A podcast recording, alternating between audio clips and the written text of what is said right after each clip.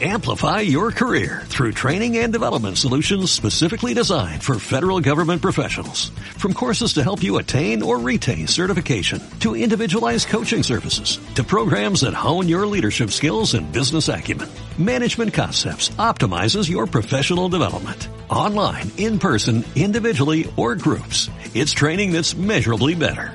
Learn more at managementconcepts.com. That's managementconcepts.com. Escolteu un podcast de la Universitat de Barcelona.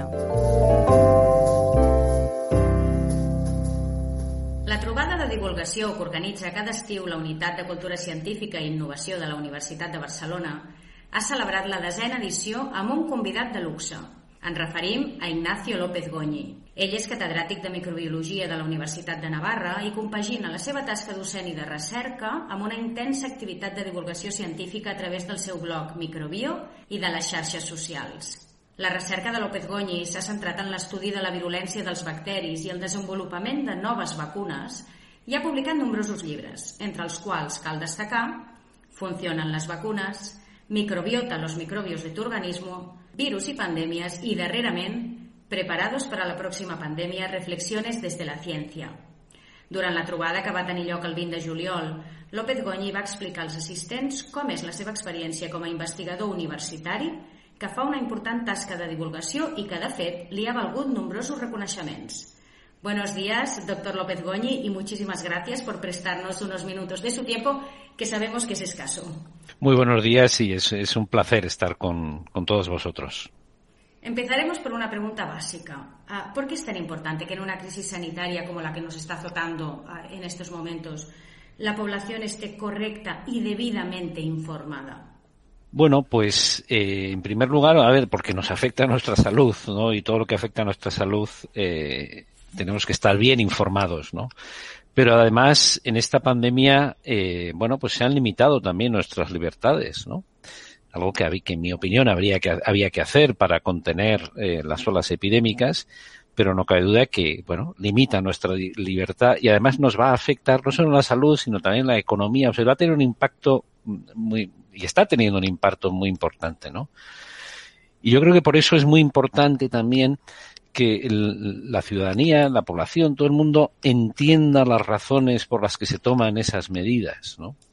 Eh, y por eso es muy importante explicar muy bien cuando uno le limitan las libertades para poder eh, asumir esas recomendaciones y ese tipo de, medidas, entender muy bien cuáles son las razones. Y por eso es tan importante la comunicación de la ciencia, la información. Cuanto mejor esté informada la ciudadanía, también de los temas de ciencia, más libre será, más democrática será la sociedad y sobre todo más responsables seremos todos, ¿no? Claro, es importante que esté informada, pero se ha llegado a hablar incluso de infodemia o de infoxicación, refiriéndonos a, a, al gran volumen de información que tenía la gente que, y que igual no ha sabido discriminar. ¿Qué errores se han cometido por lo que se refiere a comunicación para que haya sucedido esto? Bueno, por una parte hemos tenido un, un exceso de información, también de información científica. Eh, fíjate que si a una, ahora uno se mete en las en, en repositorios de las publicaciones científicas y pone palabras, eh, pone el nombre del, del virus SARS-CoV-2 o de la enfermedad COVID-19, aparecen más de 140.000 artículos científicos. Hay más publicados sobre este virus y esta enfermedad que sobre la malaria, por ejemplo tenemos un exceso de información científica. Todo eso unido a que estamos viviendo la pandemia a tiempo real y, con las redes sociales, que era algo que nunca había ocurrido, pues es un, es un cóctel, digamos, eh, muy peligroso, ¿no? Luego todo está lleno de incertidumbres, la sociedad necesita certezas y, lo que hay son incertidumbres y la ciencia muchas veces no tiene la, la respuesta inmediata.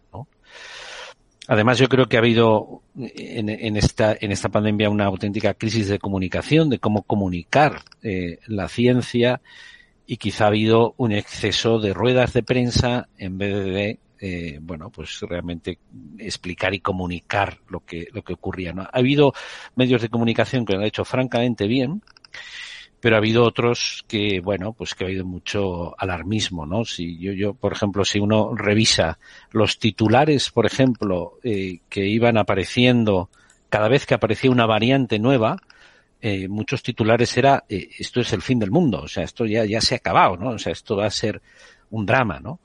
Y, y, bueno, ha habido medios que en muchas ocasiones se han contenido, han buscado realmente las fuentes, han sido incluso críticos con las propias informaciones que venían de algunas publicaciones. Y, y, bueno, yo creo que eso, eso hay que valorar, ¿no? Hay que saber distinguir entre medios de comunicación que realmente hacen una labor de investigación y de realmente de, y otros que simplemente pues eh, airean las malas noticias o los bulos, etcétera, ¿no? Pero es que además hay que añadir a estos medios de comunicación, la tele, la radio, la prensa, um, webs que, tengan veracidad y credibilidad, a todas las redes sociales y al hecho de que hoy en día cualquier persona comunica también. Puede comunicar bien o puede comunicar mal. En la trobada de, de divulgación decía usted, las mentiras corren más rápido por la red que la verdad. Ahí también quizás deberíamos hablar de la responsabilidad o corresponsabilidad por parte del ciudadano que recibe esa información y que la da por veraz e incluso la difunde otra vez. La retuitea. Eso es ruido ya, ruido informativo en realidad. Sí, pero yo creo que eso es muy difícil de controlar, ¿no? Porque, porque en ese artículo al que haces mención, que era un artículo de Science, donde venía a, a demostrar que en Twitter, efectivamente, las noticias falsas eh, se retuitean mucho más que las verdaderas, eso en el fondo, eh, yo creo que tiene que ver con nuestra manera personal de, yo qué sé, de, cómo somos, ¿no? Nos, nos gusta más el morbo, nos gusta más, no sé. Eh, entonces, yo creo que eso es un problema intrínseco del, del ser humano, ¿no? ¿no? ¿no? sé por qué. Habría que hacer un, un estudio más sociológico, ¿no? Y, y muchas veces también, eh, decir, hacer un nudo es muy fácil. Deshacer el nudo es mucho más difícil. Y lo mismo nos pasa con muchas noticias. A mí, por ejemplo, me han llegado a veces gente que me decía, oye, mira, hay un informe de estos de médicos por la verdad, o también había biólogos por la verdad, que decían todo tipo de, un informe de, de 50 páginas, ¿no? ¿Qué tienes que decir sobre esto? Claro, ahí hay verdades, medias verdades, malas interpretaciones, mentiras, eh, bulos, está todo mezclado. Deshacer eso, bueno, eh, es uno de los problemas, ¿no? Que hemos tenido que efectivamente yo creo que, hombre, también uno, yo creo que con esto puede ir aprendiendo la ciudadanía es, eh, hombre, a ver dónde me, dónde me informo, ¿no? Y es verdad que todos tenemos sesgos, ¿no? Y esto está demostrado, ¿no? Es decir, cuando esas noti las noticias, tú buscas las noticias que re reafirman tu, tu, tus ideas, ¿no? Y entonces esto es una pelota que se hace, ¿no? Pero eso que ocurre en temas políticos, en temas económicos, en temas sociales, pues también han ocurrido durante la pandemia, ¿no?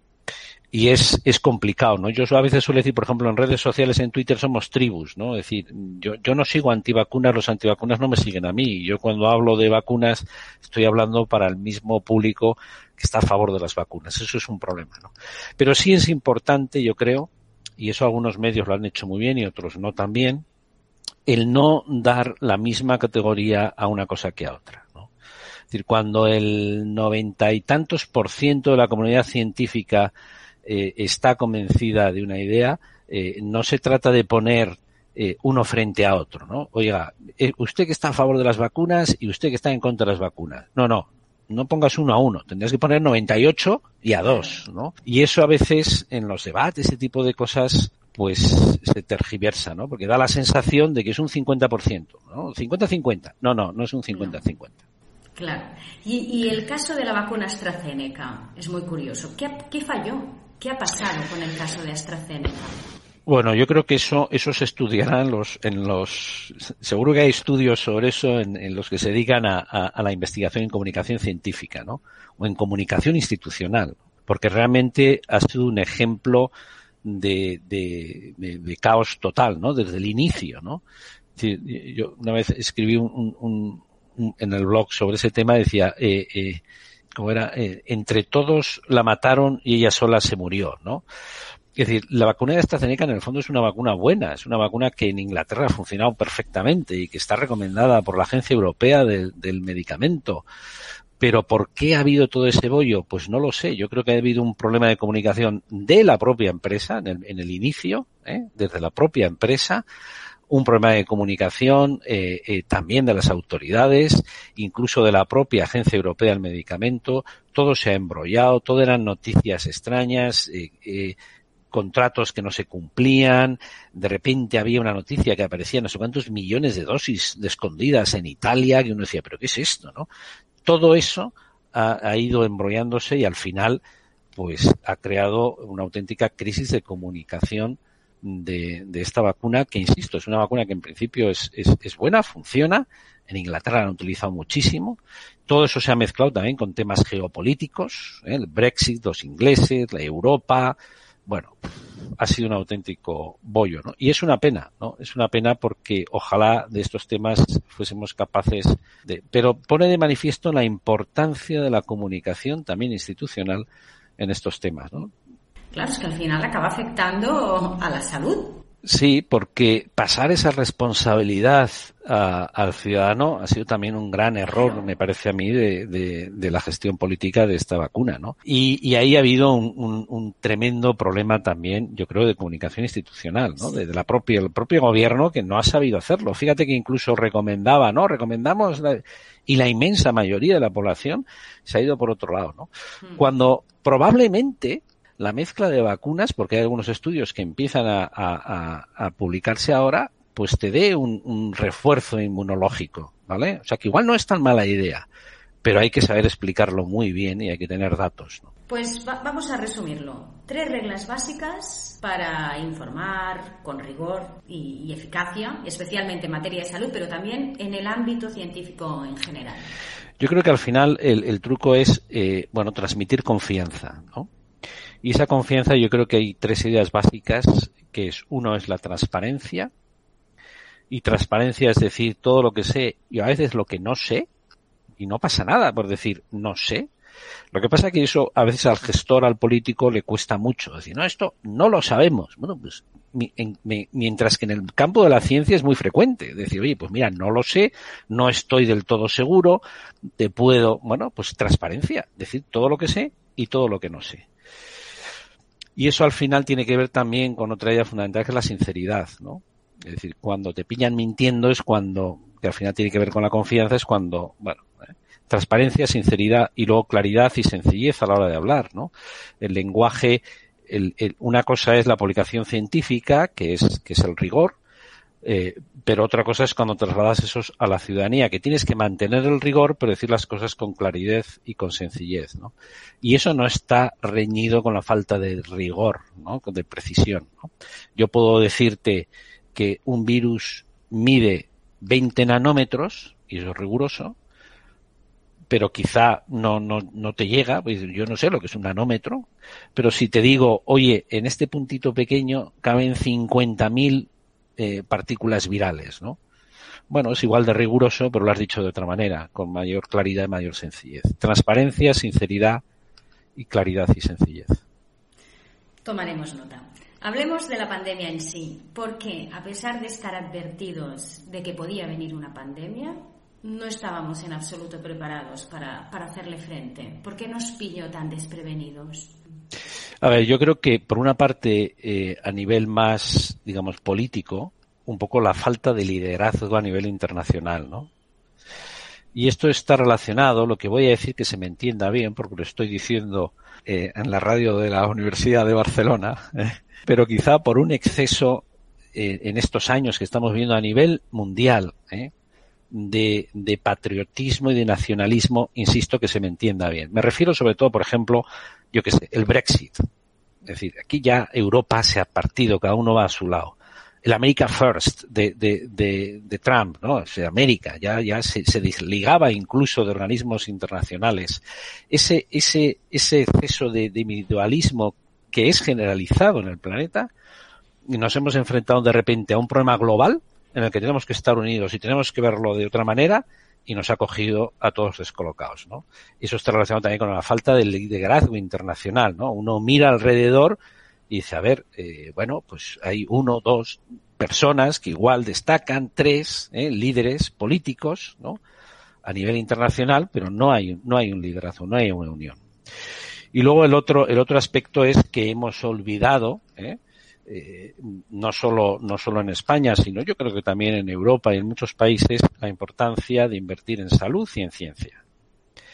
Y, y nos damos cuenta ahora que eh, la salud y la ciencia es fundamental. Date cuenta que en esta pandemia realmente si llegamos a conseguir una situación en la que no hay colapso sanitario, podríamos volver casi todos a la normalidad más normal. ¿no? Es decir, el problema es el colapso sanitario.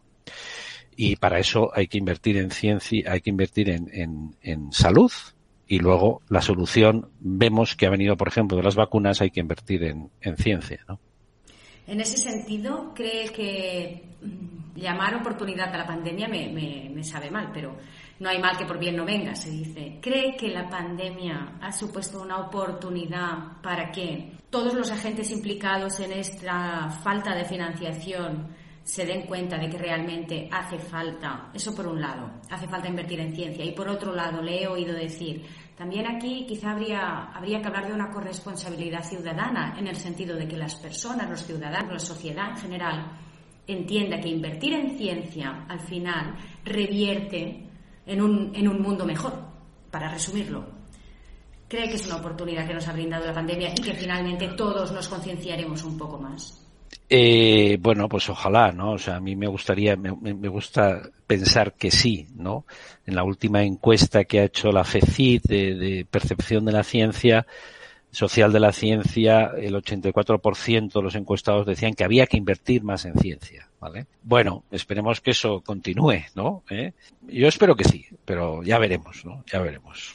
Ya se verá. ¿Usted cree que una mayor cultura científica por parte de los ciudadanos evitaría, pues en este caso, la propagación del virus, pero en un futuro próximo o no tan próximo, otras pandemias, uh, otras cosas que nos puedan afectar directamente. Es decir, si nosotros conocemos a la naturaleza y el comportamiento del virus, por qué mutan, cuándo es necesario el gel hidroalcohólico y cuándo no hace falta estarse quemando las manos, las cosas irían mejor. A ver, el tema es muy complejo, no depende solo de, de nuestro comportamiento, que también, ¿no? Pero el que aparezca una, una enfermedad, una, un brote epidémico, una, un, un, una epidemia o incluso una pandemia, depende principalmente de tres factores. Por una parte, del propio patógeno, en este caso el virus, ¿no? de cómo se comporte, de cómo mute, de cómo varíe, de, de si es transmitido por otros, es decir, cómo se transmite, etcétera. O propiedades del, del propio patógeno. ¿no? El otro aspecto fundamental es el hospedador, es decir, nosotros en este caso, ¿no? eh, bueno, pues influye, bueno, pues la edad, influye tal, cómo nos comportemos, nuestro estado de inmunidad, lo, lo, la vacunación, esto influye, ¿no? Tiene, y en tercer lugar también influye el ambiente, es decir, eh, la densidad de población, el clima, la geografía, es decir, todo eso al final eh, influye para que un determinado brote acabe en un pequeño brote, en una epidemia o incluso en una pandemia. evidentemente nosotros influimos, tenemos cierto papel, ¿eh? y efectivamente si, si conociéramos mejor, eh, probablemente nos podríamos adherir de manera más fácil a las medidas, ¿no? Pero no es el único factor. Por ejemplo, el tema de las, de las mascarillas, ¿no? Ahora, que si mascarilla dentro, que si fuera, que si la hago obligatoria, que si no hago obligatoria. A ver, en el fondo, el problema no está en los exteriores, está en el interior. Pero en el fondo, si realmente explicáramos bien cómo se transmite el virus, que el virus se transmite por aerosoles, principalmente por aerosoles, y nos lo imaginamos como una nube, como cuando uno está fumando al lado nuestra, que vemos esa nube de humo, pues imaginamos que eso podría, si esa persona está infectada, eso podría ser la nube de coronavirus. Y por tanto tú te infectas cuando respiras el aire de otra persona infectada. ¿Y eso cuando ocurre? Cuando estás cerca de él, o a veces cuando estás en sitios cerrados porque se acumula, no, no, no se ventila y, y, se concentra el virus. Si entendemos eso, ya nos damos cuenta dónde nos tenemos que poner la mascarilla, en interiores y cuando estoy cerca de otra persona. Y si voy paseando por la playa y estoy solo por el campo, no hace falta que lleves la mascarilla. Si eso lo explicamos bien y la gente lo entiende, no hace falta tener tanta norma. O sea, hemos, estamos controlando la pandemia a base de BOEs, o sea, de boletines, de, de, de, de normativas, ¿no? Y yo hubiese apostado más por explicar a la gente las cosas y entonces quizá hubiese sido un poquito más fácil. Aunque insisto, lo que he dicho al principio, el problema es muy complejo y depende de muchos factores. Incluso quizás hubiera sido uh, más provechoso para evitar a los negacionistas, porque ahora estaba pensando yo, estoy convencida de que hay negacionistas que al final lo que les ha dolido o lo que les ha indignado es, volviendo al principio de la entrevista, que les hayan coartado libertades. ¿Por qué no puedo salir a la calle a partir de tal hora? ¿Por qué me tengo que quedar en casa? ¿Por qué? Seguramente eso que comentábamos ahora, si la población hubiera estado mejor informada, hubiéramos evitado un porcentaje de negacionistas. Siempre los hay, pero mm, ¿son las pandemias un territorio igualmente abonado para el pensamiento negacionista? Sí, a ver, pero esto ha ocurrido eh, siempre, ¿no? Es decir, eh, hay eh, cuando Edward Jenner en 1798 ¿eh? empezó con la vacuna de la, de la viruela, o sea, hace 200 años, enseguida aparecieron movimientos antivacunas y hay gráficos de estos que salían en algunos periódicos en los que salía Jenner poniendo su vacuna y a la gente le salían apéndices de vaca y le salían cuernos y de, ya había movimientos antivacunas eh, en ese momento, ¿no? Y, y ha ocurrido eh, con el origen del SIDA, ¿no? no, el origen del SIDA es y, se cuestionó las vacunas de la polio, que si pueden transmitir el SIDA, que si te pueden dejar estéril, que si es un montaje para esterilizar a los musulmanes y no sé qué, había otro tipo de conspiraciones, ¿no? El propio Zika, hace unos años se hablaba de que esto era un montaje que había salido de un laboratorio también, es siempre ha habido eh, negacionistas y es bueno, pues hay que hay que hay que asumirlo. Lo que pasa es que no hay que decir, va, estos están chalados, no no importa importa, en el sentido de que, por ejemplo, en España eh, no tenemos unos movimientos antivacunas muy beligerantes, ¿no? Probablemente porque tenemos esa cultura de vacunación, porque, bueno, la gente está muy mentalizada, se vacuna a los niños, el sistema de atención primaria, los pediatras ha funcionado muy bien y las coberturas vacunales, sobre todo infantiles, son muy altas. ¿no? Eso en otros países no ha ocurrido así. Ahora en, en Francia están teniendo un problema, en Estados Unidos han tenido un problema porque se han parado la vacunación, han vacunado y ahora están viendo que, que no sube porque la gente no quiere vacunarse, ¿no?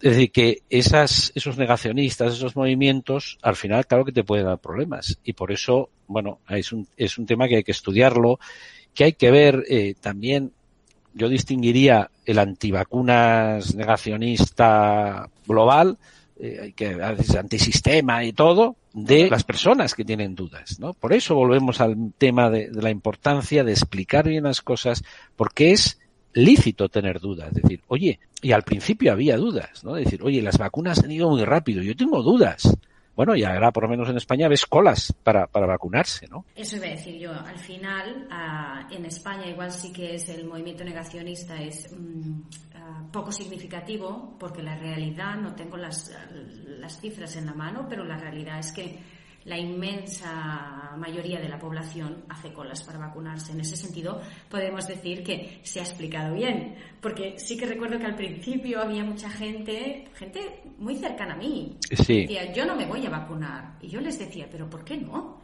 Mm, yo no me fío. Gente que, que consideras que tiene un buen criterio, mm, que sabe reflexionar las cosas, y te decían, no, no, yo se han vacunado, ¿eh? Pero te decían, yo no me voy a vacunar porque yo no sé ¿qué efectos puede tener en mí?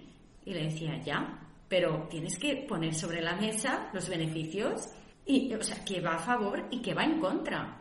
Pero sí que es verdad que al principio había mucha más reticencia y que seguramente porque se ha explicado bien, porque se ha dado información, la gente finalmente ha acabado vacunándose.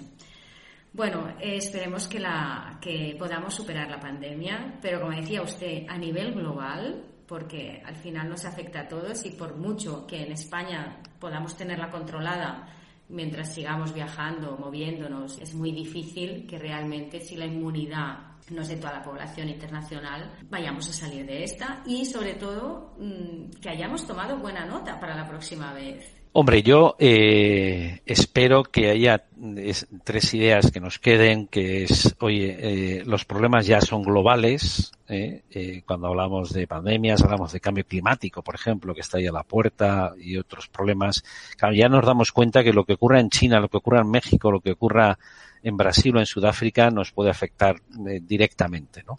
Por lo tanto, ojalá vayamos cambiando también a nivel internacional, las instituciones, etcétera, hablando más de gobernanza global, ¿eh? ojalá y, quede también ese, ese pozo de la importancia de, la ciencia, el conocimiento, eh, la salud y, la cooperación, ¿no?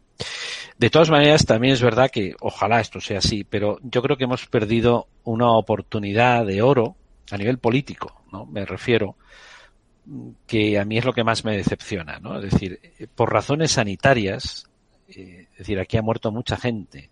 ¿eh? Por razones económicas, hay un desastre en, la economía y mucha gente está sufriendo económicamente eh, la pandemia.